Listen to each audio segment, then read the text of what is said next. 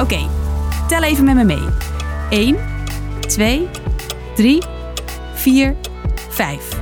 In deze paar seconden hebben ongeveer zes mensen in Nederland een prik van een coronavaccin gehad. En als alles meezit. Dan is op 1 juli bij iedereen die dat wil die eerste prik gezet. Maar er is niet één coronavaccin. Er zijn er een heleboel die allemaal net wat anders werken. Pfizer en Moderna are more than 90% effective each. Als dit vaccin inderdaad 90% van de mensen beschermt tegen COVID-19, dan is dat echt goed nieuws. 90% is a game changer. Het vaccin beschermt voor ongeveer 60% tegen COVID. Wat betekent het dat de ene prik effectiever is dan de ander?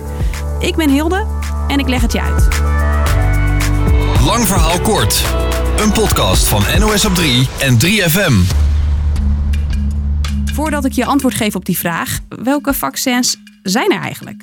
Nederland heeft er zes besteld en met drie daarvan wordt er nu ook al echt geprikt. Pfizer, Moderna en AstraZeneca. En binnenkort komt daar het vaccin van Janssen nog bij. We hebben een vierde eh, vaccin dat we aan ons wapenarsenaal kunnen toevoegen. Het is echt een cadeau wat we vandaag krijgen. Het duurt alleen nog eventjes voordat we het kunnen uitpakken. De vier goedgekeurde vaccins zijn niet allemaal hetzelfde. Bij AstraZeneca zeggen ze dat hun vaccin voor tenminste 60% effectief is. Bij die van Moderna en Pfizer ligt dat een stuk hoger, rond de 95%. Vlak na farmaceut Pfizer meldt nu ook Moderna dat ze goed op weg zijn met een vaccin.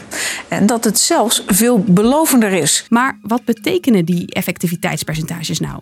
nou laten we als voorbeeld een groep van 100 mensen nemen. Allemaal hebben ze een prik gehad die 90% effectief is. Betekent dat van die 100 gevaccineerde mensen er nog maar 10 besmet raken met corona. Dat percentage zegt dus niets over de kans dat jij niet besmet raakt. Het zegt iets over hoe groot de kans is dat een groep mensen die gevaccineerd is nog corona krijgt. We weten nu wat die effectiviteit betekent, maar betekent een hoger percentage effectiviteit ook dat een prik beter werkt? Het klinkt misschien fijner om een prik in je arm te hebben die voor 95% effectief is, in plaats van eentje die 60% effectief is.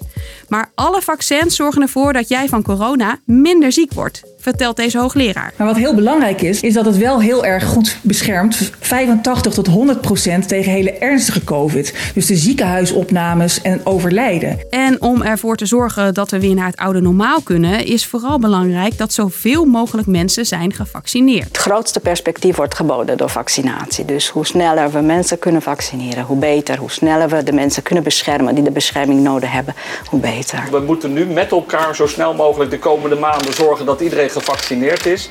Ja, en dan pakken we ons gewoon het leven weer op. Het gaat weer om die groep. Want hoe meer mensen een prik hebben gehad, hoe minder corona de kans krijgt om zich te verspreiden. En hoe kleiner de kans dan ook is op een grote corona-uitbraak. Simpel gezegd, om nieuwe corona-uitbraken tegen te gaan, heb je meer aan 10.000 mensen met een prik die 60% effectief is, dan 5.000 met een prik die de 90% aantikt.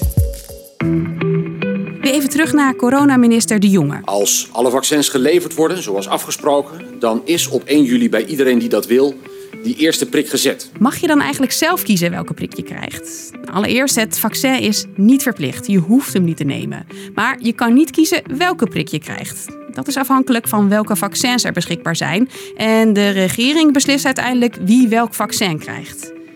Daar is niet iedereen het trouwens mee eens.